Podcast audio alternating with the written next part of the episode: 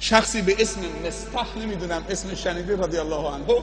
این کسی بود که وقتی که منافقین در مدینه تهمت زدن به ام المؤمنین عایشه جریان اف.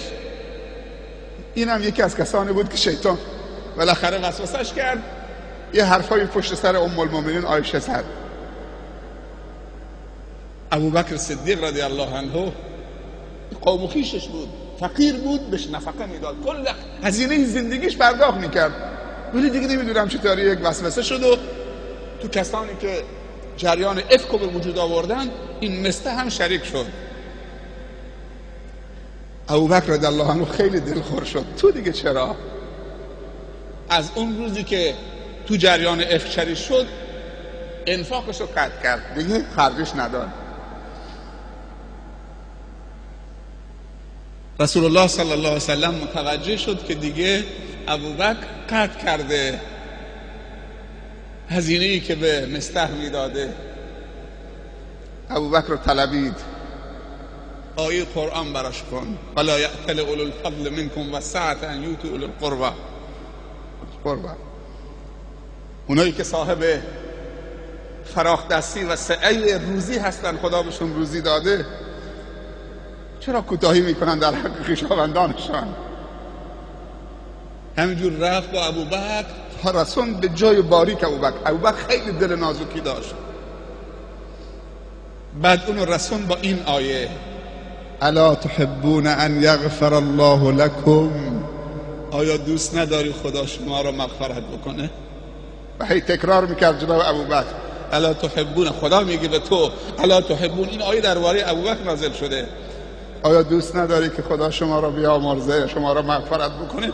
همینجور که تکرار می‌کرد ابوبکر همینجور میلغزید. بعد فریاد زد بلا. نحب ان یغفر الله لنا دوست داریم. تشنه مغفرت خدا هستیم دوست داریم که خدا ما را بیامرزه مغفرت بکنه. گفت پس برو از امروز اون مقوله مستح و نادیده بگیر انگار که چیزی به دخترتو نگفته. اگه دخترتو هست همسر منم هست.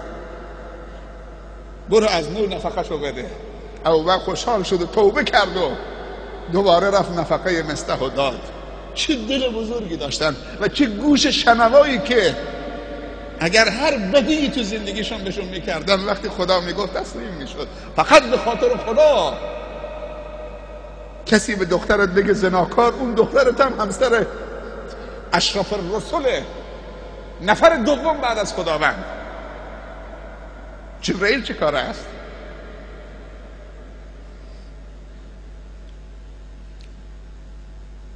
جبرئیل تا صدرت المنتها رفت توقف کرد.